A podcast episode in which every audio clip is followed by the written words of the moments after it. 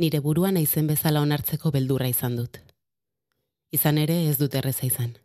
Txikitatik ezberdina izango banintz bezala tratatu bainaute. Nire helburua iraganen izan ditudan egoerak, egoera horiekin lotutako pertsonak eta haiekin izan ditudan gatazkak gainditzea da. Eta gaur egun, lanketa horretan nabil. Apurka nire burua ezagutzen noa, eta nire barne gatazkak gainditzen. Piskanaka, nire jokamolde eta usadioak ez baian jartzen. Eta batez ere, nire izaera eta ideiak azaleratzen eta adierazten. Barrurantz begiratzeak ikara sordezake.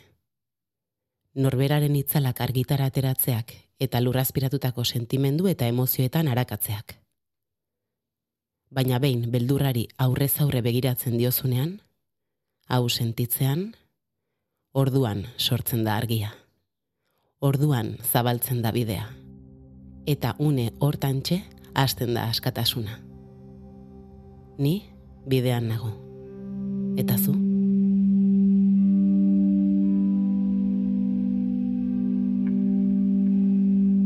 Gaurko urratsa beldurgarria izan daiteken arren, gogoratu ez zaudela bakarrik.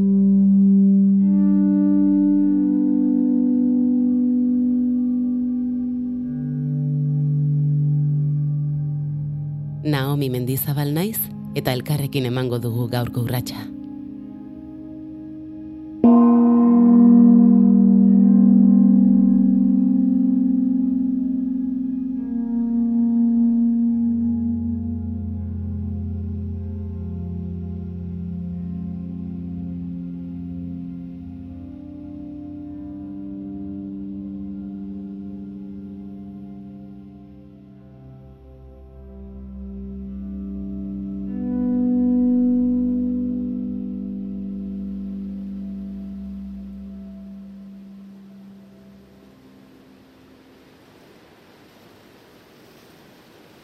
Utzi zure begiak isten lasai eta mantendu itxita saio guztian zehar. Sentitu zure ingurua. Zauden lekua. Egin barne ikus mira bat, zauden lekuaren inguruan. Lau hormak. Zabaia. Lurra. Zure gorputza, bertan etzanda edo eserita.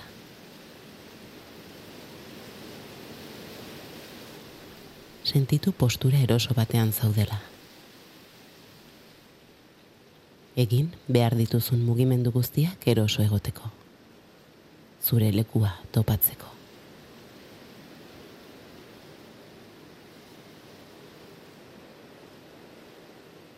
Oso garrantzitsua da eroso egotea. Erlaxatuta. Mugitzen baldin bazabiltza, saioan zehar lortu duzun erlaxazio egoera etengo duzu. Beraz, hartu denbora bat zure gorputza eroso eta lasai sentitzeko.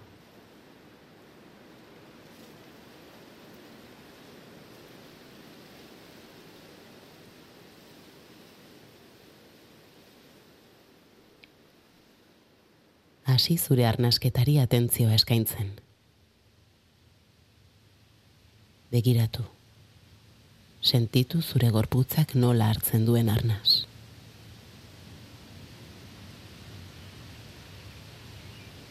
Begiratu zure arnasketa, firin faran dabilen osto bat begiratzen duzun bezala. Ostoa, mugitzen doa eta zuk ezin duzu ezer egin honen mugimendu aldatzeko.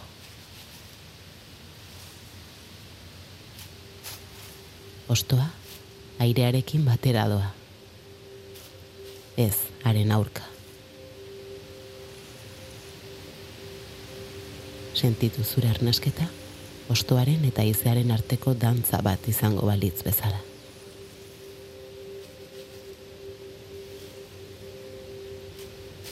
Ostoa gorantz duanean, arnasa hartzen duzu. Bete egiten zara. Ostoa erortzen hasten denean, arnasa askatzen duzu. Gorputza ustuz. Arnasa hartu eta begiratu nola igotzen den ostoa. Askatu aizedena eta ikusi ostoaren jaitsiera. Utzi zure gorputza karnasa aske ardezan. Arnasa hartzen duzunean, lasaitasunez betetzen zara. Eta arnasa botatzen duzunean, pentsioak askatzen dituzu.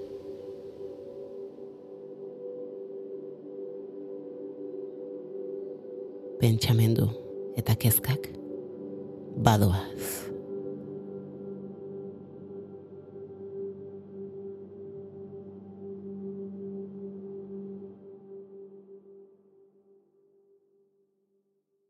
Jarraian, jarri harreta zure sudurrean.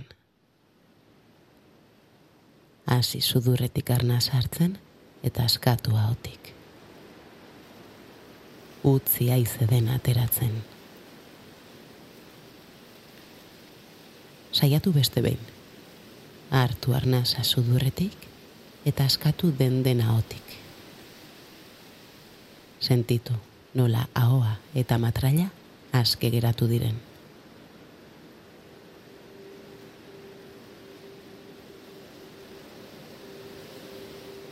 Azken saiakera bat. Kontzentratu. Ahoa, Espainiak eta matraila aske sentitzen. Eta utzi azken atxa ateratzen.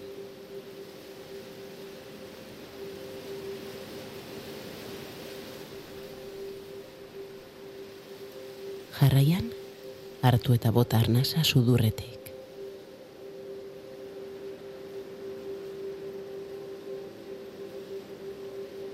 Egin arnasketa modu harmoniatxu eta lasai batean. Isiltasunean.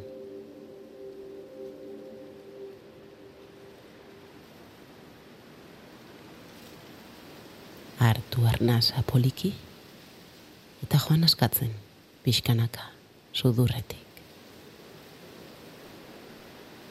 Errepikatu prozedura hau behin eta berriz.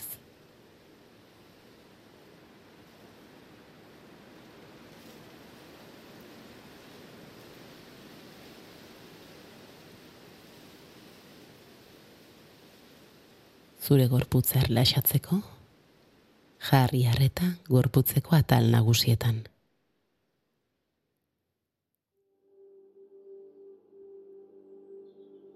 Sentitu oinak, zangoak, aldakak, bizkar osoa,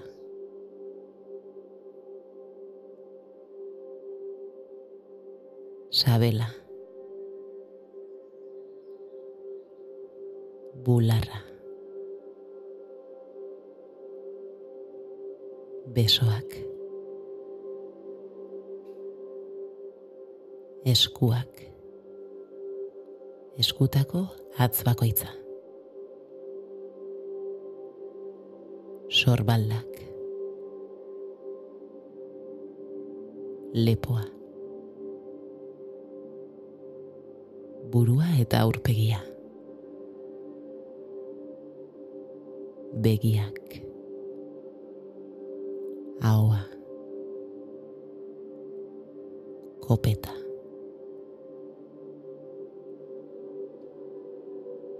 Sentitu zure gorputz osoa eta errepikatu beharrain bat aldiz, errepaso osoa. Gorputz osoko errepasoa. Oinetatik burura eta burutik oinetara.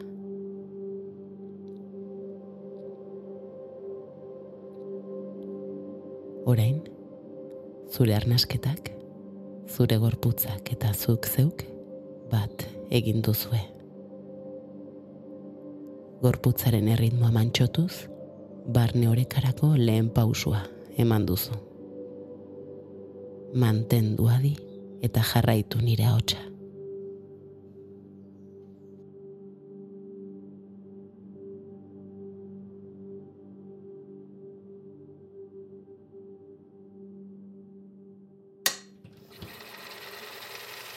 Imaginatu, aktore edo aktoresa bat zarela. Pantalla handiko aktore edo aktoresa bat. Filmatzeguna gaur hasten da, eta gidoia eta arropa eman dizute.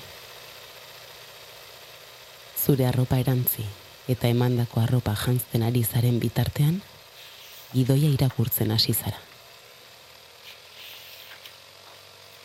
Arropa jantzi ostean, makillajea eta horrazketa egin behar dizute.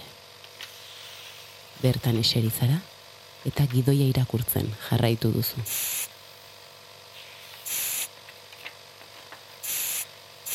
Makillajea eta horrazketa bukatu direnean, ispilura begiratu eta beste pertsona bat zarela konturatu zara.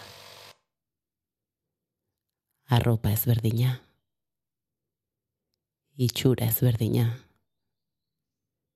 Pentsa ere ezberdina.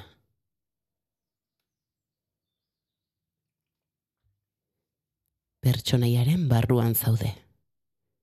Eta maskara hau zurekin eraman beharko duzu filmatzeak irauten duen bitartean.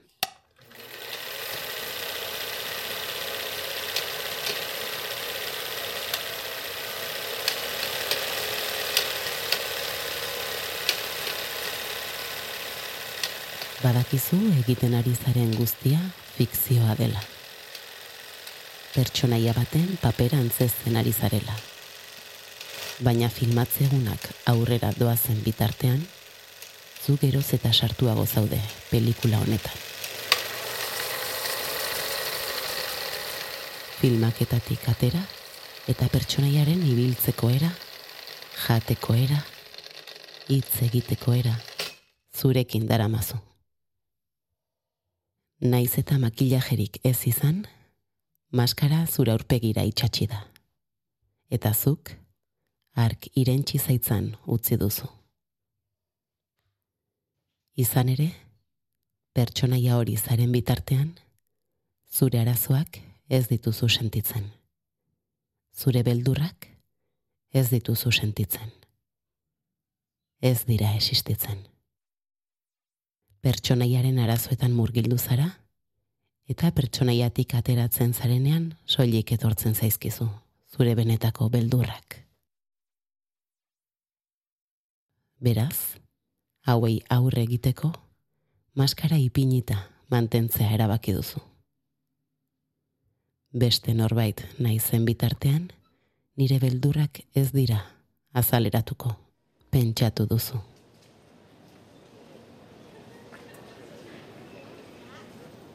Lan amaitu eta kalera atera zara.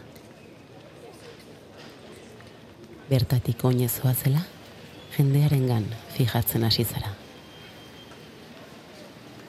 Inauteriak direla dirudi. Kalean doan pertsona bakoitzak, bere maskara darama soinean. Batek, etxeko arazoak besteak laneko istiluak. Ark, bikote kontuak. Eta honek, bakardadea. Gehienak, beraien maskararen atzean izkutatzen dira, kalera ateratzeko eta barne beldurrak makilatzeko. Ez dugu onartzen beldurrak ditugula. Beldurra edo zaurgarritasuna erakutsi baino lehen, nahiago dugu maskara bat jarri eta antzestu.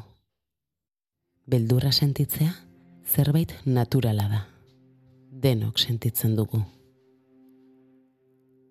Hala eginak gaude.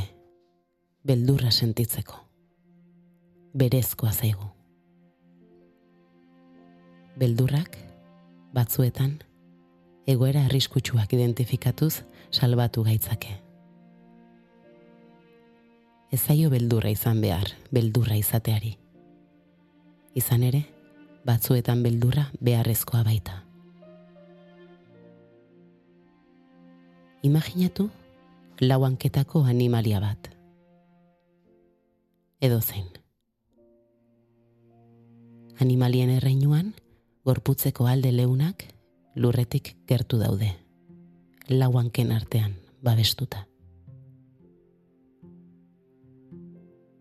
Menpekotasuna erakutsi nahi dutenean, animaliek buelta ematen dute. Beraien alderik leunenak agerian utziz. Gizakion kasuan, zutik gabiltzanetik, gure alderik leunenak babestu gabegoaz. Eta honek, arriskuak gertuago sentitzera eramaten gaitu. Maskarak ez dira betirako ordea. Maskarak erori egiten dira. Eta momentu horretan prest ez bazaude, agerian geldituko dena onartzeko arazoak sortu daitezke. Beraz, antzestea beharrezkoa baduzu, kalera maskararik gabe ateratzeko prest ez bazaude, hartu zure denbora. Baina jakizu, lehenago edo beranduago, beldur horri aurre egin beharko diozula. Momentu hori prestatzeko, jarri zaitez ispiluaren aurrean egunero, eta esaiozu zure buruari beldurra sortzen dizun egoera, pertsona, sentipen hori gainditu duzula. Errepikatu esaldi hori beharrain bat aldiz.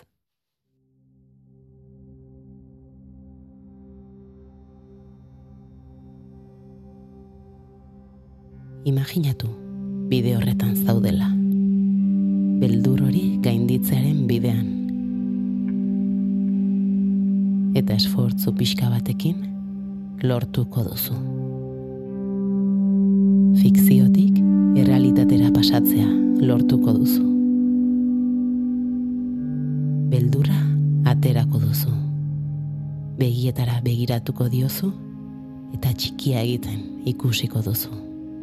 Desagertu arte.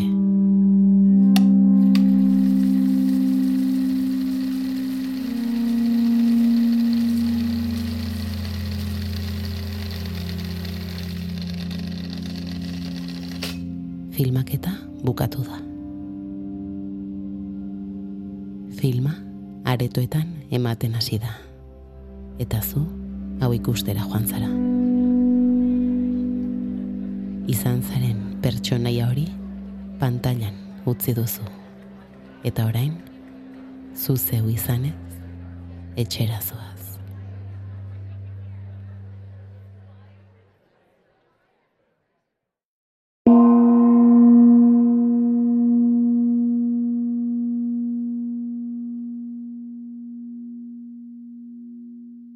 Naomi Mendizabal naiz eta urratsa izan da. Pausos pauso, zure osotasuna berreskuratzeko bidea egiten lagunduko dizun saioa. Dagoeniko amargarren saioa duzu hau. Eta orain ezagutu bagaituzu, gogoratu gainerako ataldenak EITB podcasten eta audio plataformetan dituzula, eskuragarri. Orain dikez baldin baduzu egin, arpidetu eta zabaldu lagun artean. Besarkada estua eta urrengo urratxer arte. Ei, txt, entzun hori. Ulu Media.